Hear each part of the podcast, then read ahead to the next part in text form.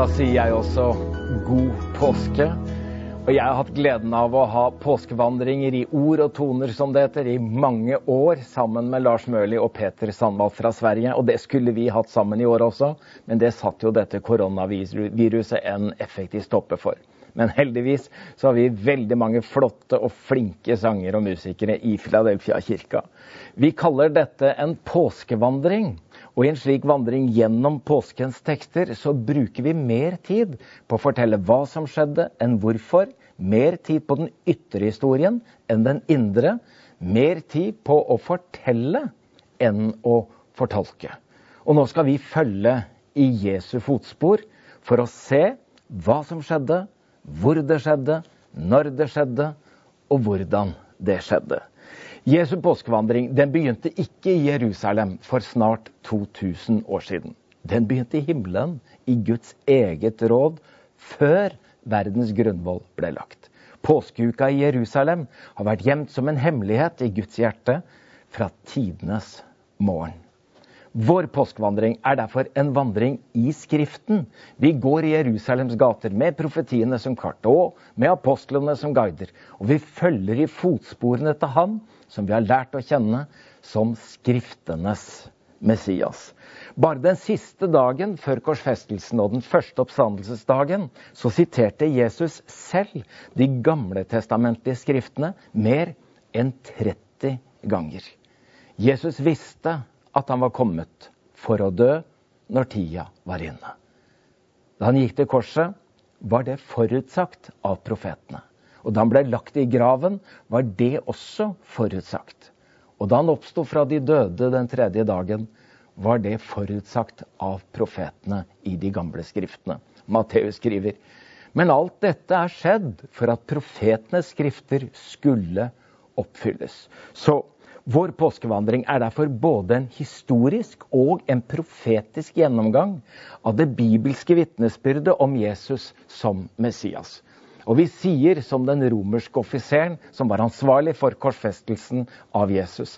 Sannelig, denne mannen var Guds sønn.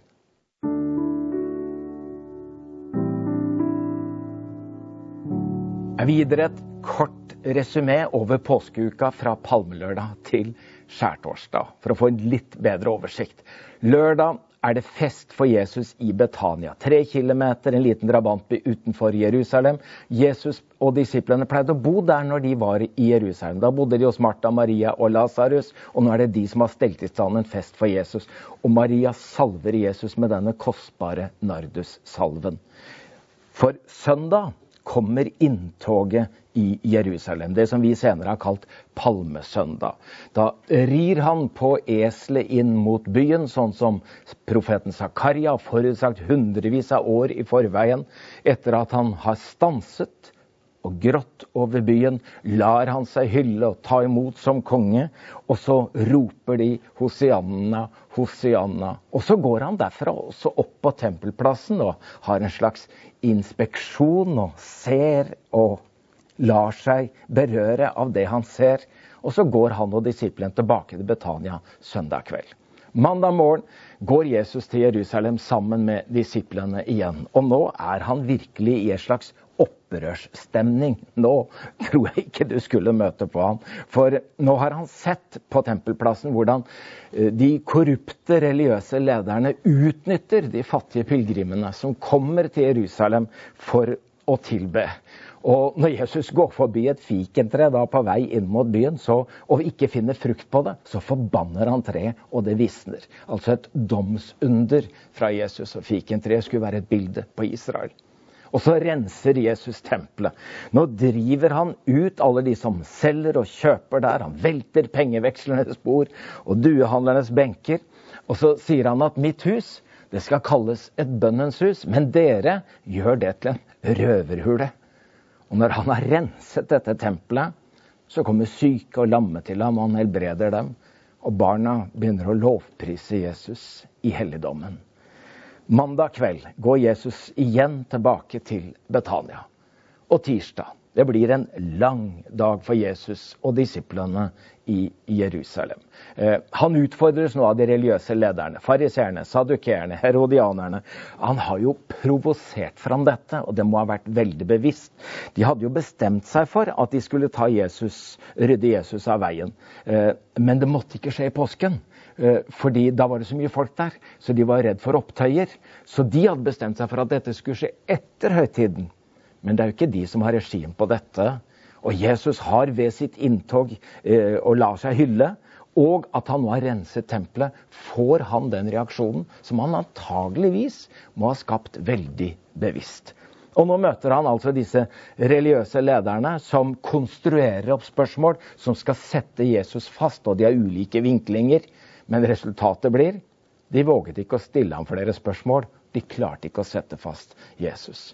Og så kommer fra Jesus åtte ved-rop over eh, de skriftlærde og fariseerne. Ved dere, ved dere. Det er kontrast til det som skjedde da han startet sin offentlige tjeneste. Han begynte jo med å si 'salige er dere', 'salige er dere', 'salige er dere'. Men nå ble det altså åtte ved-rop ved avslutningen av hans tjeneste.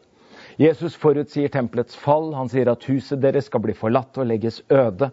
Og Det var jo en utenkelig tanke at det store, stolte, flotte tempelet i Jerusalem skulle kunne legges i grus. Men det gikk i oppfyllelse da romerne ødela tempelet i år 70 etter Kristus. Tempelet i Jerusalem det var reist for Messias. Det var der de sang og ba om at Messias skulle komme. Men når han kom, så kjente de han ikke igjen, og de avviste han. Jesus går ut til Oljeberget igjen, og nå kommer de store, lange framtidsprofetiene fra Jesus. Matteus 24, Matteus 25. Nå kommer ordene om endetid, om dom, men også om frelse og løfte om at Jesus skal komme tilbake. Antageligvis så er det denne tirsdagskvelden, eller senest onsdag morgen, at Judas går til de religiøse lederne for å gjøre en avtale. Han tilbyr seg å avsløre hvor Jesus skal feire påske med disiplene sine i, på, denne, eh, på dagen etter. Og at de kan komme og arrestere Jesus, og at han skal fortelle hvor de er. Og han får 30 sølvpenger for det. Det var prisen for en slave. Det står i sterk kontrast til det som skjedde lørdagen hvor Maria salver Jesu føtter med denne nardussalven, som Judas hadde anslått var verdt 300 denarer. Han syntes det var sløseri. Han kritiserer Maria offentlig. Nå har han vært hos de religiøse lederne, og nå har han avtalt at han får 30 sølvpenger for å forråde Jesus. Så kommer vi til onsdag. Det er stille før stormen. Og hvor er Jesus denne onsdagen? Det vet vi ikke. Vi vet heller ikke hva han gjorde, men vi kan jo tenke at han må ha hatt noen praktiske forberedelser i forbindelse med påskefeiringen. Men mest sannsynlig brukte han mye tid alene, i stillhet, sammen med sin himmelske far. Slik han alltid gjorde før viktige valg.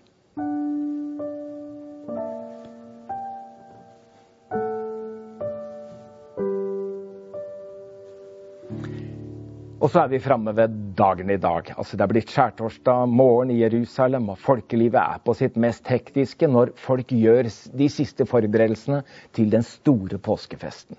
På markedene og i basargatene blir de siste innkjøpene gjort til høytiden. Rundt om i herbergene og hjemmene foretas den siste finkjemming av rommene for å sikre at alle rester og smuler av syre av brød er fjerna, slik at de kan feire usyrede brøds høytid.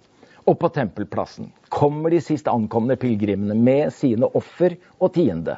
Og Prestene gjør i stand til den storstilte slaktingen av påskelammene. Og Utover formiddagen og tidlig ettermiddag så blir alle påskelammene tatt til tempelet. Og etter at de er slaktet, fraktes lammene tilbake til hjemmene og herbergene for å tilberedes til kveldens festmåltid. Det er ikke veldig ulikt en norsk julaften, hvor det er litt hektisk på dagen for å bli helt stille på kvelden. Alle deltar, hele folket. Det er en nasjonal, det er en religiøs feiring både i hjemmene, og det er hjemmet og tempelet som står i sentrum for deres påskefeiring. På samme måte som kirka og hjemmet står i sentrum når vi feirer jul. Og så skjer det noe merkelig denne skjærtorsdag morgen. Det er at Jesus, de, Jesus og disiplene de er jo fremmede, eller gjester, i Jerusalem. Eh, så det er jo ikke opplagt hvor de skal feire påske. Det er jo litt sånn som når vi nærmer oss jul og vi treffer noen som ikke bor i byen. Hvor skal du feire jul i år? Eh, og så, så må man vite hvor man skal feire. Og dette var viktig for jødene. Det var viktig når påsken kom. Hvor skulle de feire og spise påskemåltidet sammen? Og på det spørsmålet svarte Jesus med å gi Peter og Johannes et hemmelig oppdrag, nærmest som en slags koda beskjed. Hør på dette. På den første dagen i de usyrede brøds høytid, da påskelammet ble slaktet, spurte disiplene ham, hvor vil du vi skal gå og gjøre i stand, så du kan holde påskemåltid? Da sendte han to av disiplene sine av sted og sa til dem, gå inn i byen. Der vil en mann som bærer en vannkrukke møte dere. Følg etter ham. Og der han går inn, skal dere si til eieren av huset, mesteren spør, hvor er rommet der jeg kan holde påskemåltid med disiplene mine? Da skal han vise dere et stort rom ovenpå, gjort ferdig med tepper og puter. Der skal dere stelle i stand for oss. Disiplene gikk da av sted og kom inn i byen. De fant det slik som han hadde sagt, og de gjorde i stand til påskemåltidet. Hvorfor en mann med en vannkrukke? Hadde Jesus sagt at de skulle prøve å finne en kvinne med en vannkrukke på hodet, så hadde det vært mange tusen. Så det hadde jo ikke gitt noen mening. Eh, så det måtte være en mann, og da kan det ha vært en essener. For i det sørvestre delen av Jerusalem så var det et mannlig klostersamfunn av essenere. Og blant disse var det menn bare, og da var det jo de som måtte hente vann. Og dette var kanskje den gruppa blant jødene der Messias-håpet og forventningen om en ny pakt var sterkest. Og det er antageligvis i essenernes hus at de skulle feire påskemåltidet. Denne gruppa var en åndelig fornyelsesbevegelse i Israel. De trodde på Messias, eh, at han skulle komme, og de tok Skriftene på alvor. Og det er disse som senere har gitt oss dødehavsrullene. Og det er antageligvis den gruppa døperen Johannes holdt seg sammen med. Så hvorfor skulle dette være så forferdelig hemmelig? Ja, eh, hvorfor kunne han ikke bare si til alle sammen vi møtes der og der, da og da, så alle kunne vite det? Jo, for Jesus visste jo allerede i sin ånd at Judas hadde vært hos de skriftlærde fariseerne og avtalt at han ville forråde Jesus. Så hvis Judas på dette tidspunktet hadde fått vite hvor de skulle spise påskemåltidet sammen, så hadde han gått rett til de jødiske lederne og avslørt det. Og da hadde jo ikke Jesus fått den ro over denne siste kvelden som han ville ha. Og da hadde han jo heller ikke fått innstiftet nattverden, som vi utrolig nok skal få lov å feire også denne eh, skjærtorsdagen sammen på en litt annen måte. Og det var dette som ble den siste kvelden for Jesus sammen med disiplene sine. Og han ville ikke forstyrres. De skulle møtes ved solnedgang. Og Derfor ble Peter og Johannes sendt på et slags hemmelig oppdrag med en kryptert melding for å finne ut hvor dette skulle være, og gjøre det i stand. Og Den kristne tradisjonen i Jerusalem eh, av siden oldkirken eh, så har den vært at de feirer minne om Jesu måltid i bygningen på Sionshøyden, som i dag vi kaller Øvre salen, stedet over Davids grav. Og tradisjonen sier at det også var det rommet, eller den salen, det stedet, hvor åndsutøvelsen første pinsedag fant sted. Og det var helt sikkert mange essenere med i den første jødekristne menigheten i Jerusalem. Peter og Johannes går inn i byen og finner alt som Jesus har sagt. Og her kan han feire påskemåltid i ro og fred sammen med disiplene sine. Og Senere på dagen så kommer Jesus sammen med hele gruppa. Og Judas er med dem. Han eh, Visste ikke hvor det skulle være før han selv var der. Og han tenker ergerlig.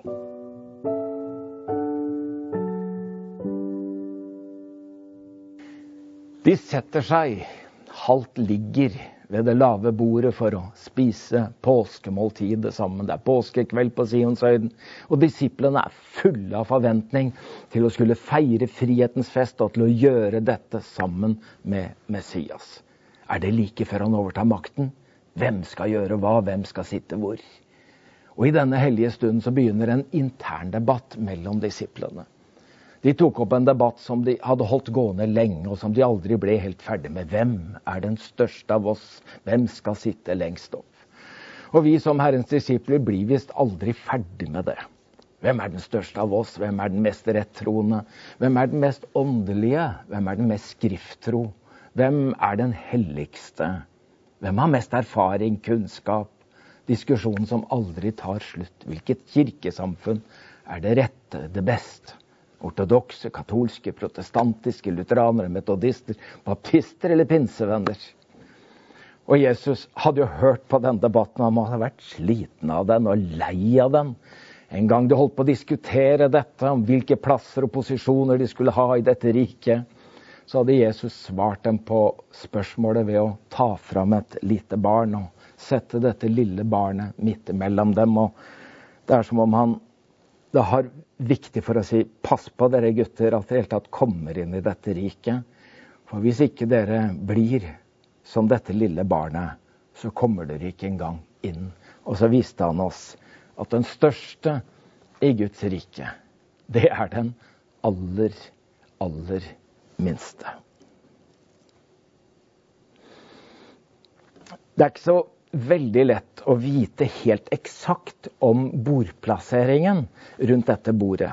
Men jeg har ganske gode kilder. Jeg har vært i Israel mange ganger, snakket med mange. Og de antyder at eh, Judas mest sannsynlig sitter på Jesu venstre side, altså aller nærmest Jesus. Og at han på sin høyre side har Johannes. Eh, Judas og Johannes. Eh, han som er minst fornøyd med plassen sin, det ser ut til å være Peter. Han har nå stelt de sammen til dette påskemåltidet hele dagen, sammen med Johannes. Johannes havna her. Og så ser det ut som om Peter havna langt nede, ja, egentlig der hvor tjeneren pleide å sitte. og Det virker litt sånn på stemningen som at han syns han havna litt langt ned. og det er jo ikke alle som er fornøyd med den plassen de har fått, verken i livet eller i kirka, eller kanskje på jobben, for den saks skyld. Og mens de diskuterer dette, så gjør Jesus noe fantastisk. Han melder seg ikke på i debatten, men han eh, reiser seg. Og så gjør han en kjærlighetshandling. Og dette er anskuelsesundervisning på sitt aller beste. Det er vanlig ved påskemåltidet at uh, flere ganger, både i begynnelsen og underveis, at husfaren, altså verten i familien ved bordet, får vaske hendene sine. Det kommer gjerne en i familien som bringer fram et fat med vann, som holder det fram med et håndkle og sørger for at husherrens hender blir vasket. Og så gjentas dette flere ganger. Rett og slett for å rent symbolsk signalisere at husverten skal få en opplevelse av vi er ikke slaver, du er ikke trell. Du er fri, i motsetning til hva de var i Egypt. Og denne kvelden så skal altså husfaren kjenne på denne friheten blant sine egne, nærmest som en slags konge. Og så snur Jesus denne skikken helt på hodet. Han tar av seg kjortelen sin, tar på seg tjenerkappen. Og nå er det ikke hans hender som skal vaskes, men han vasker disiplenes føtter. Og som i sannhet han som i sannhet er konge og kirkens hode, går altså inn i tjenerens ydmyke rolle til sine disipler, og så vasker han dem. Dere kaller meg mester og herre, og dere gjør det med rette, for jeg er det. Når jeg som er Herren og Mesteren, har vaska deres føtter, da skylder også dere å vaske hverandres føtter. Jeg har gitt dere et forbilde. Slik jeg har gjort mot dere, skal også dere gjøre. Sannelig, sannelig, jeg sier dere, Tjeneren er ikke større enn herren sin, og utsendingen er ikke større enn han som har sendt ham. Nå vet dere dette, og salige er dere, så sant dere også gjør det. Det var ingen av de andre disiplene som hadde sett så lavt at de hadde sett dette vaskefatet som sto der. Peter må ha tenkt hvis ikke Johannes gjør det, så gidder ikke jeg gjøre det. Hvis ikke Jakob gjør det, så hvorfor i all verden skulle jeg gjøre det? Det tenker jo Thomas også. Hvorfor ikke når Peter gjør det, hvorfor i all verden skal jeg holde på med det? Det er vel kanskje sånn du og jeg tenker også, når ikke han eller henne gjør det. Hvorfor i all verden skal jeg gjøre det? Husker av og til mor som spurte oss gutta vi var seks søsken, fem brødre. Kan en av dere, eller kan du gå på butikken, Egil? Og jeg tenker, hvorfor spør du meg? Kan du ikke spørre Roar? Og så begynte kranglinga ganske fort. Og da hendte det at mor sa ålreit, så går jeg sjøl. Det var alltid det verste, for da skulle jeg ønske at jeg hadde gjort. Og det må ha vært dette som skjer blant disiplene denne kvelden, når de har kranglet om hvem som er størst, og hvor de skal sitte, og hvilke posisjoner de skal ha. At han som er deres hode, Herre, har reist seg fra bordet, bøyd seg ned, og nå vasker han disiplenes føtter. Mange mange tiår etterpå så tenker Johannes igjennom dette. Hva må du ha tenkt, Jesus? De ligger ved føttene til Judas, du vet hvor han har vært. Du vasker føttene til Peter, og du vet hvor han kommer til å gå, og hva han kommer til å gjøre senere den natta. Og at alle kommer til å forlate deg.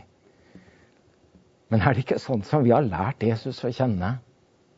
Han som er kirkens hode og herre, bøyer seg ned på kne ved menighetens føtter. Og så vasker han disiplenes føtter. Også Judas' føtter. Det må ha vært en underlig stund for Judas. Han må ha tenkt, det må ha slått inn en tanke om omvendelse. Tenk på alle de gangene Jesus har ligget ved dine og mine føtter og vaska skitten av oss. Og Det ser ut som om Paulus har denne tanken inne når han oppmuntrer oss til å ta dette Jesus gjorde som forbilde når han skriver i Filippe-brevet. Tenk ikke bare på deres eget beste, men også på de andres. La samme sinnelag være i dere som også var i Kristus Jesus. Han var i Guds skikkelse og så det ikke som et rov å være Gud lik, men ga avkall på sitt eget. Han tok på seg tjenerskikkelse og ble mennesker lik. Og da han sto fram som menneske, fornedret han seg selv og ble lydig til døden. Ja, døden på korset. Det kommer en reaksjon hos Peter når han sett Jesus vaske føttene til den ene etter den andre. Og nå er det på en måte en slags anger og skam som hvelver opp inn. Og når Jesus kommer til Peter, så sier Peter, nei, nei, nei, ikke tale om, Herre. Ikke tale om om du skal få vaske føttene mine. Og da sier Jesus, om ikke jeg får vaske deg, så har ikke du del i meg, Peter. Og da slår Peter helt om. Da skal han ikke bare ha vaska føttene, men det er som liksom hell alt over meg. Det er liksom et eller annet fantastisk med Peter. Da. Det er liksom alt eller ingenting. Og det er liksom all in, uansett hva det er. Og nå sier Jesus til Peter, ja, men eh, det er ikke sånn at du må behøve å bli frelst hver gang du har skitna deg til Peter. Eh, det holder å bare få vaska bort skitten som eh, kommer på beina dine underveis i vandringen. For den som er badet, er helt ren, sier Jesus, og trenger bare å vaske føttene. Eh, jeg tenker, Hva betyr dette for oss, dette med fotvask? Og Noen praktiserer det jo helt eksakt sånn som det ble gjort den gangen, altså fotvask. Vi tenker kanskje at det handler om den gangens skitt og sandaler og støv og sånn, og at det ikke er det mest effektive i våre dager. Men det vi kan lære av det, det er iallfall dette. At vi får skitt på oss, og vi skitner oss til. Og noen andre skitner oss til. Og det Jesus gjør denne kvelden, det er at han bøyer seg ydmykt og så vasker han av skitten til de andre disiplene. Og jeg tenker at det er et forbilde på tilgivelse. Når jeg som er Herren og Mesteren har vasket deres føtter, så må også dere vaske hverandres føtter, sa Jesus. Så la oss ha det som minne når vi krangler om hvem som er mest åndelig og hvem som er mest hellig. At vi må huske på at vi er skyldige til å vaske hverandres føtter. Og det vil si å bøye oss ned og tjene og tilgi hverandre.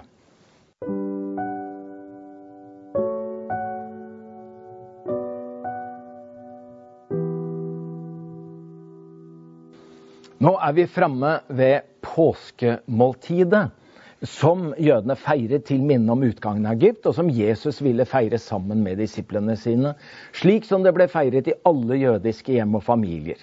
Jesus er jo den naturlige lederen som skal lede disiplene gjennom dette måltidet. Det er nesten som å være gudstjenesteleder. For det jødiske påskemåltidet, som kalles seder, det betyr jo orden.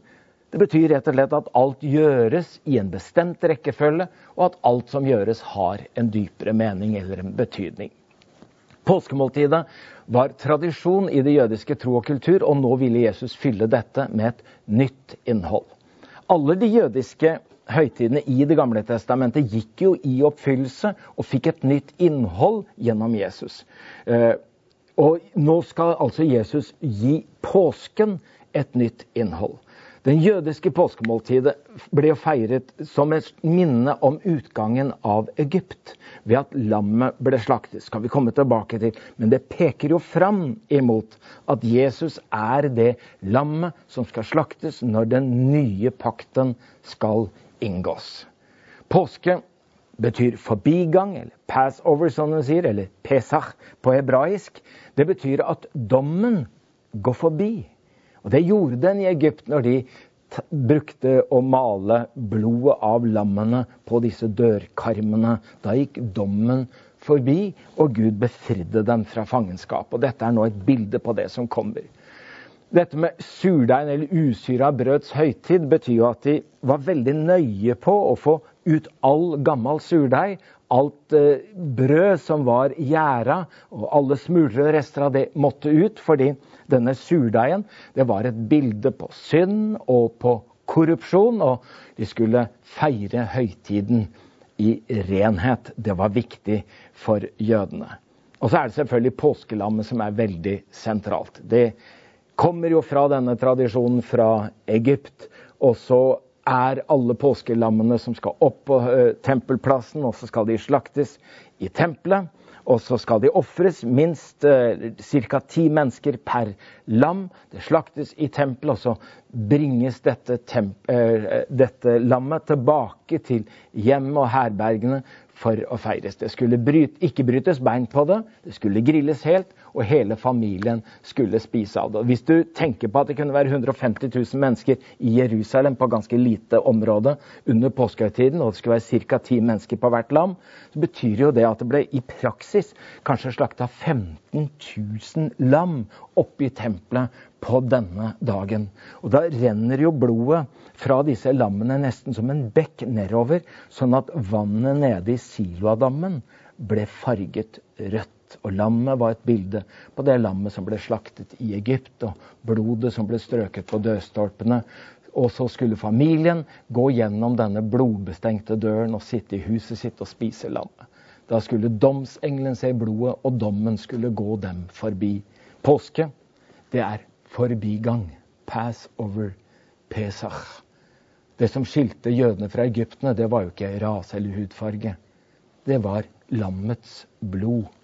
Og det som skiller frelse fra dom, det er ikke vår bakgrunn, etnisitet eller gjerninger.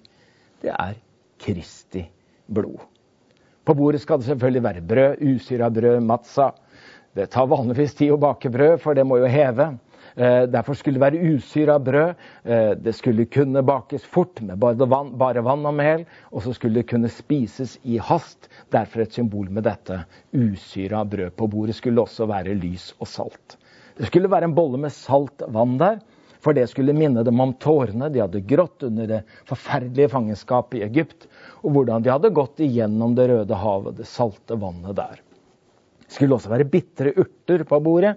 Det skulle minne dem om hvordan egypterne hadde gjort livet surt for Israels folk med tvangsarbeid og forfølgelse. Bitre urter måtte det være. Da var det en salat, en charosette, en slags seigmasse som nesten skal ligne på sement. Og det var til minne om alle, alle disse steinene, mursteinene som de måtte lage under fangenskapet. Så alt har en symbolsk mening. Men der er det også et egg. Det symboliserer liv, det symboliserer håp.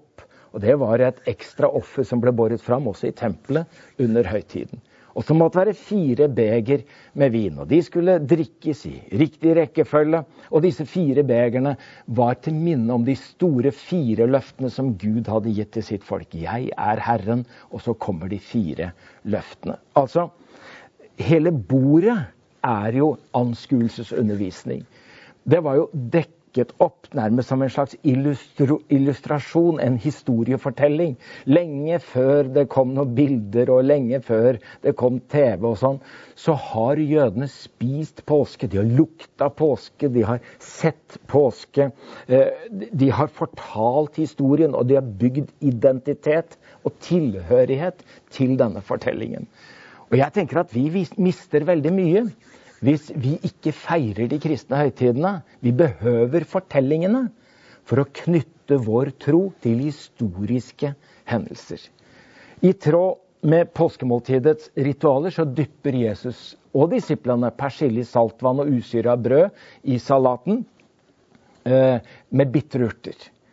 Og Det er den bitterheten under slaveriet som dette skal minne dem om. Men Jesus har alt fått smaken av en helt annen og ny bitterhet. Han skal forrådes av en av sine egne.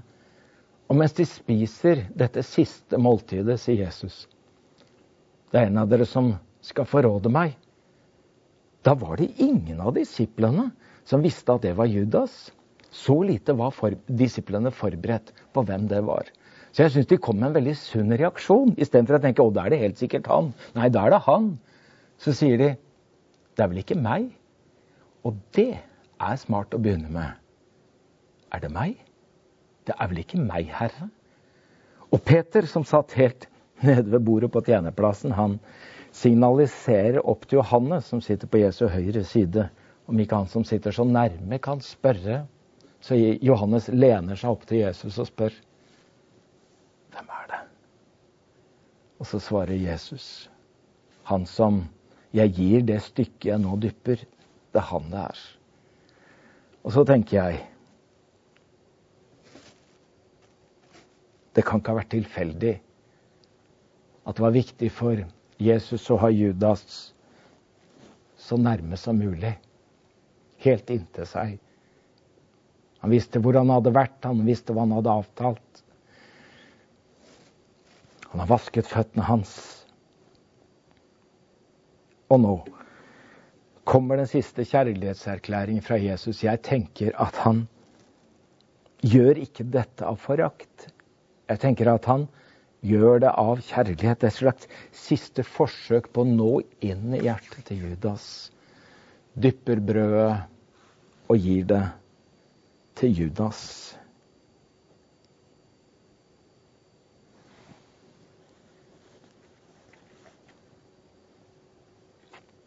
Hvor mange sjanser vi får.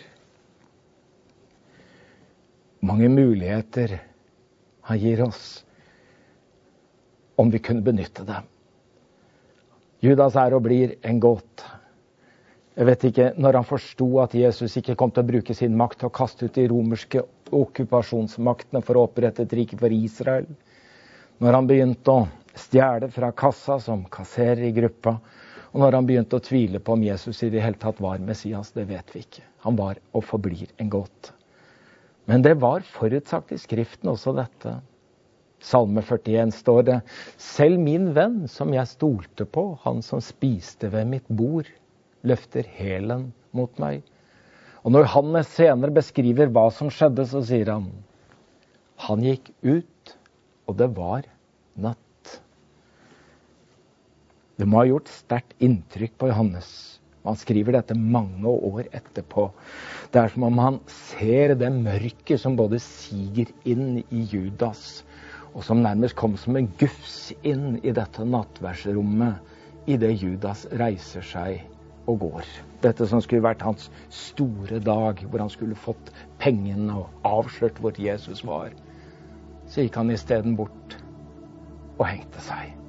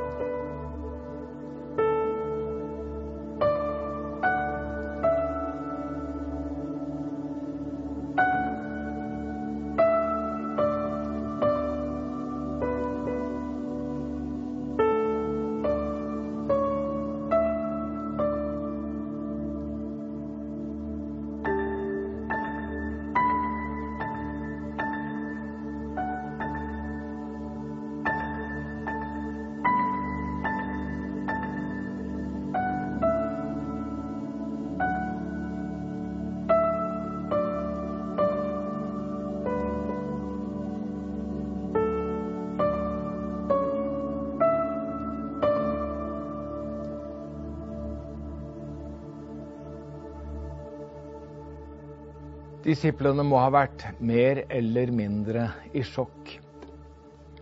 De hadde kommet fram til det tredje begeret med vin i blant disse fire begerne. Og ved det fjerde begeret, håpets beger, så var det vanlig å si en bønn. Øs din vrede utover fremmede folk som ikke kjenner deg. Øs den utover kongeriker der ingen påkaller ditt navn. Og istedenfor den bønnen om at Guds vrede skal øses ut, så gir Jesus det tredje begeret et helt nytt innhold. Dette er mitt blod, paktens blod, som utøses for mange til syndenes forlatelse. Jesus gir dette måltidet et helt annet innhold. Nå går han fra den gamle til den nye pakt. Nå kommer han med overgangen fra det lammet som ble slaktet i Egypt, til lammet som blir slaktet i Jerusalem på langfredag. Nå var det ikke slaveriet i Egypt som skulle frelses fra, men nå var det slaveriet under synden og dommen som de skulle befris fra, og vi skulle befris fra. Nå kommer en helt ny befrielse. Og så synger de lovsangen. Ved dette siste måltidet så er det jo fantastisk at det er en avskjedsstund. Jesus vet det. Jesus vet at det er det siste kvelden. Han vet hva som nå kommer. Og i skyggen av korset synger allikevel Jesus sammen med disiplene det som de alltid gjorde ved påskemåltidet.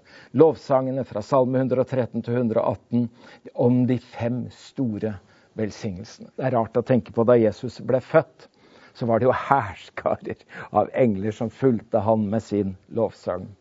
Men det var en helt annerledes flokk som gikk ut i mørket mot Oljeberget og Getsemane denne torsdagskvelden.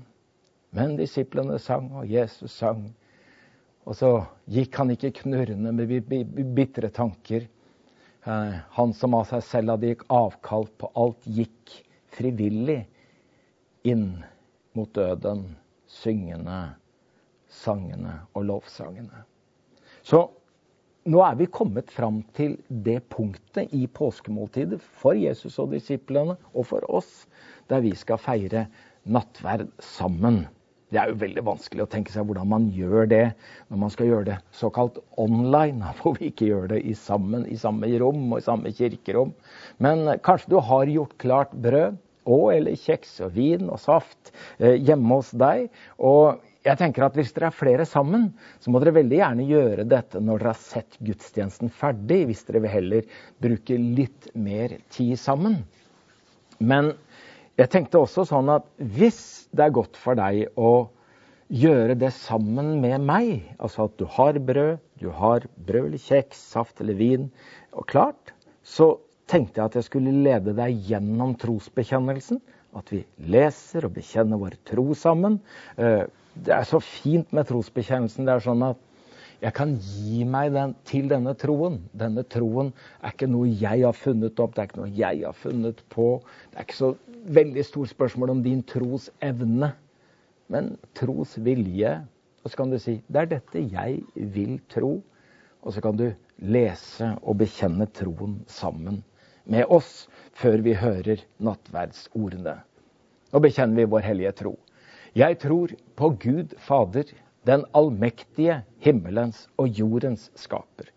Jeg tror på Jesus Kristus, Guds enbårne sønn, vår Herre, som ble unnfanget ved Den hellige ånd, født av jomfru Maria, pint under Pontius Pilatus, korsfestet, død og begravet. For ned til dødsriket, sto opp fra de døde tredje dag, for opp til himmelen. Sitter ved Guds, den allmektige Faders, høyre hånd, skal derfra komme igjen for å dømme levende og død. Jeg tror på Den hellige ånd, en hellig, allmenn kirke, de hellige samfunn, syndenes forlatelse, legemets oppstandelse og det evige liv. Hør innstillelsesordene. For jeg har mottatt fra Herren det jeg også har gitt videre til dere. I den natt da Herren Jesus ble forrådt, tok han et brød, takket, brøt det og sa, dette er min kropp som er for dere. Gjør dette til minne om meg. På samme måte tok han begeret etter måltidet og sa, dette begeret er den nye pakt i mitt blod. Hver gang dere drikker av det, gjør det til minne om meg. For hver gang dere spiser av dette brødet og drikker av begeret, forkynner dere Herrens død, helt til Han kommer igjen. Amen. Nattverden peker på en måte i tre retninger. Bakover så minner den oss om Jesu død, eh, forsoning og oppstandelse. Og så peker den innover ved at den vitner for oss om Guds tilgivelse og nærvær i våre liv. Og så peker den framover mot den himmelske festen ved Guds rikes fullendelse ved Jesu Kristi komme. Bakover, innover og framover. Nattverdens er altså et paktsmåltid som oppretter, minner oss om og fornyer pakten mellom oss og Gud. Og Har du ikke tatt imot nattverd før, eller det er lenge siden sist, eller du til og med er litt usikker om du kan være med på dette på denne måten, så kan du gjøre det. Så skal jeg ta ansvar for det. Det var en vakker fortelling om en dame som ikke hadde vært med på sånn nattverd før, og lå på kne ved alterringen. Så ser hun at presten går og deler ut, og hun er vant til å betale for seg. Så hun åpner forsiktig håndveska si mens hun ligger der på kne, og tar opp en femmer for å være klar til å betale når presten kommer med brød og vin. Og han ville jo ikke at hun skulle oppleve noen slags forlegenhet. Men han får et slags øyeblikk av visdom og nåde når han bare legger forsiktig hånda over pengestykket hennes og hånda hennes, og så sier han det er allerede betalt. Og det kan du få lov å tenke på når vi nå skal dele brød og vin sammen. Kan du rekke fram dine tomme hender, eller du kan ta det brød eller den kjeksen som du har hos deg, og så sier jeg dette er Jesu kropp, gitt for deg. Så skal jeg bryte, og så kan du spise.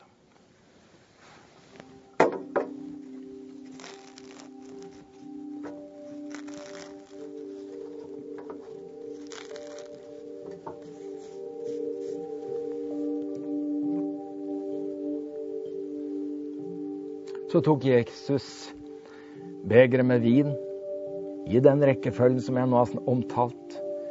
Så holder han det opp som at nå begynner en ny pakt. For dette er den nye pakt, nye avtalen. Den er ensidig fra Guds side. Han holder den. Dette er Jesu blod utøst for deg.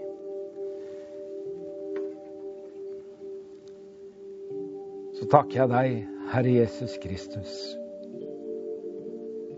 for at det som var ditt, beholdt du ikke for deg selv, men ga det til oss.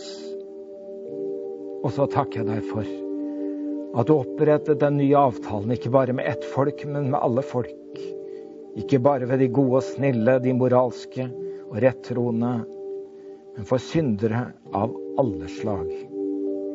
Takker deg for at dette ikke er en pokal, men at det er et nådebeger.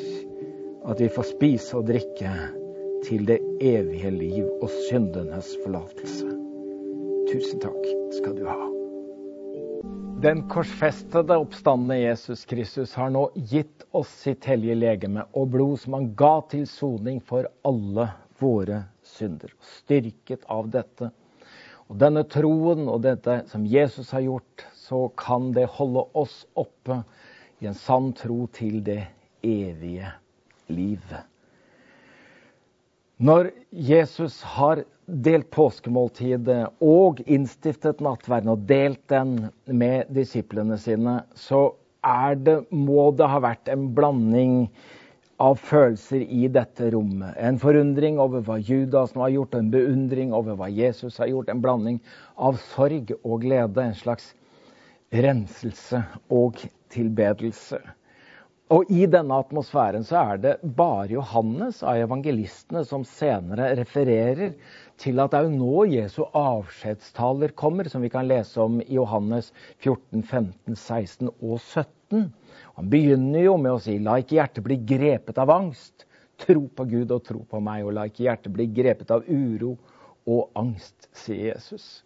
Og plutselig i denne situasjonen så er det som om Jesus eh, har plutselig får det travelt og reiser seg og sier at nå må de gå. Det er jo som om han vet at nå er Judas på vei fra de religiøse og med de religiøse lederne og, og, og soldatene for å ta Jesus og eh, der hvor han er eh, på, på Sionshøyden sammen med disiplene sine. Og, og da sier han vi må reise oss. Eh, og vi må gå, og vi må gå nå. Eh, og så kommer mer av disse Jesu avskjedstaler, og han snakker om den freden som han gir, som ikke verden kan gi.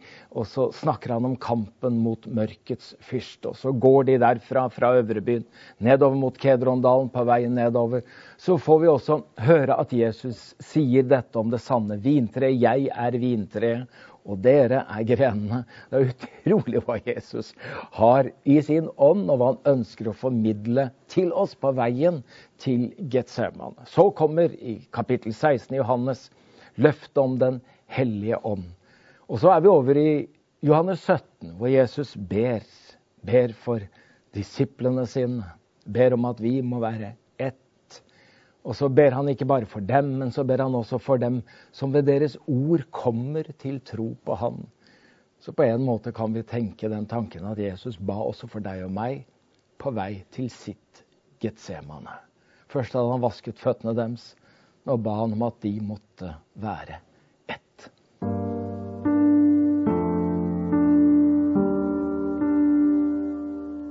Nå skal vi til Getsemane. Og det var et sted som Jesus må ha brukt å være sammen med disiplene sine når han var i Jerusalem. Her fant de skygge for sola om dagen, her var det svalt om kvelden og om natta.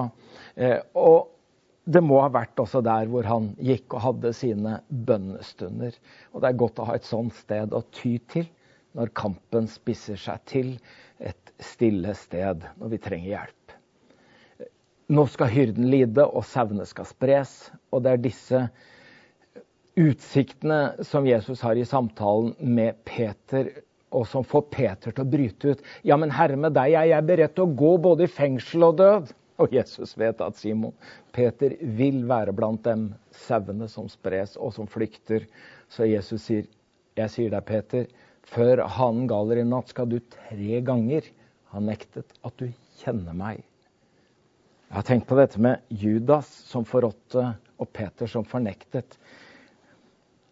Er det så veldig stor forskjell? Er det så veldig stor avstand mellom de to? Peter, som senere ble en leder i apostelkretsen, har tenkt Judas, tenk om du hadde ikke tatt livet ditt, men venta til første påskedag. Da hadde du møtt den oppstandende Jesus. Så kunne vi også ha fått lov å snakke om apostelen Peter og apostelen Judas. For det er sånn vi har lært Jesus å kjenne at han kan både tilgi og reise oss opp igjen.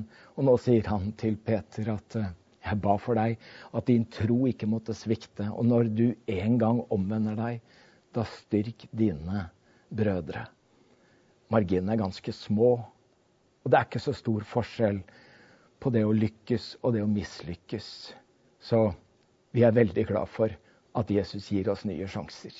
Og nå er det våknatt i Jerusalem, den natten da hele folket skal være som sin gud, slik de synger i den første sangen av festreisende. Nei, han blunder ikke og sover ikke Israels vokter. Herren er din vokter. Herren er din skygge ved din høyre hånd. Ja da, det er våknatt i Jerusalem, men disiplene sovner. De er helt utmattet etter den lange dagen med alle inntrykkene. Og mens folket våker og venter på Messias, så sovner de som er sammen med han. Og mens de sover, så kjemper Jesus sin største kamp, sin kamp med Israels Gud. Min sjel er tynget til døden av sorg. Bli her og våk med meg. Dette sier Jesus til disiplene sine rett på innsiden av porten. Stans her, dere, så tar han med seg Peter, Jakob og Johannes og sier, kom hit med meg. Han håpet at de orket litt mer og kunne gå litt lenger. Og så går de sammen med han et lite stykke inn i haven, og så ber han dem bli igjen der. For det siste stykket, det må han gå alene. Der er det ingen av oss som kan følge mesteren. Og han gikk fra dem så langt som et steinkast og falt på kne og ba. Far, om du vil, så ta dette begeret fra meg, men la din vilje skje, og ikke min Hvorfor ville Jesus gå til Getsemane? Ja, han ville be. Men han hadde også en plan. For ingenting er jo tilfeldig. Han går fra nattverdssalen. Judas kommer dit med soldatene og de skriftlærde og sier det er her det er. Men så er det jo ikke der, for det er tomt. Og så blir de sinte på Judas, som har lurt dem. Men da sier Judas ja, men, men, hvis han ikke er her, da vet jeg hvor han er. Da må han være der han pleier å være. Og så tar han med seg soldatene og de skriftlærde ned fra nattverdssalen og til Getsemane. Og nå er de på vei ned mot Getsemane. Og mens de er på vei, så ber Jesus denne bønnen i Getsemane. En bønn som vi aldri vil kunne forstå dybden av. For Jesus er mye mer enn en martyr. Han er himmelens og jordens skaper. Du vet, Når jødene under påskemåltidet leser fortellingene om utferden fra Egypt, så spiller de én dråpe vin fra begeret for hver plage som egypterne led, i visshet om at utfrielsen og velsignelsen har kostet. Og velsignelsens beger var også et vredens beger. Og han kom i dødsangst og ba enda mer inderlig, så svetten falt som blodsdråper til jorden. Nå roper Jesus til sin far denne natten. Og denne ene gangen, denne ene gangen benytter Jesus seg av det mest intime ordet for far på hebraisk. Abba. Abba. Det må være det som ligner mest på pappa, pappa og ber om at dette begeret må gå ham forbi. Og det er jo hele helvetes gift som er samla i dette ene begeret. Derfor ber han far, er det mulig? Men det var jo ikke mulig hvis du og jeg skulle bli frelst. Derfor tar Jesus dette begeret og sier, ikke som jeg vil, men som du vil. Kanskje vi også skal få lov å minne om at Getsemane blir motsatsen til Edens hav. Den første Adam han klarte jo ikke å stå for denne fristelsen at han som var menneske, ville så gjerne bli Gud. Det er det som er syndefallet. Men den siste Adam var Gud, men valgte å forbli menneske. Og det må ha vært det som var den store kampen i Getsemane. Skulle Jesus bruke sin makt og bli Gud og bruke sin guddommelige autoritet? Eller skulle han forbli menneske og ta på seg våre synder? Og Tre ganger ber Jesus denne bønnen, og tre ganger sovner disiplene. De var jo ikke i stand til å forstå hvilken kveld dette var for Jesus. Etter at Jesus har tatt dette begeret, symbolsk sett, er det som om alt vender. Og Jesus reiser seg og sier nå, nå er det avgjort. Det virker som om kampen, den egentlige kampen, står i Getsemane. Han har bestemt seg. Han har sagt ja. Ikke som jeg vil, men som du vil. Og idet han reiser seg etter bønnen for tredje gang, så hører han at soldatene og fariseerne og de skriftlige kommer sammen med soldatene og Judas foran av alle. Og De kommer med sverd og stokker og fakler. Og Det beskrives som om det er en helt romersk kohort som kommer. Og en kohort, romersk kohort den besto av så mye som fra 400 til 600 mann. Det virker kanskje litt overdrevet, men de skulle jo arrestere han som hadde makt både til å vekke opp døde og drive ut onde ånder, og til og med hadde sagt til stormen og vinden og bølgene på Genesaretsjøen og truet dem å være stille. De tok ingen sjanser. Så de var mange. Og Judas går foran inn i haven. Og så har han gjort en avtale med dem. Det er at det er han jeg kysser. Det er han det er. Det virker som om det såret Jesus ekstra. Kunne du ikke funnet en annen måte å gjøre det på, Judas?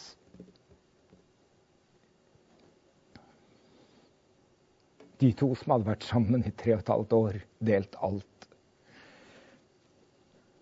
Hvorfor forholder du menneskesønnen med et kyss?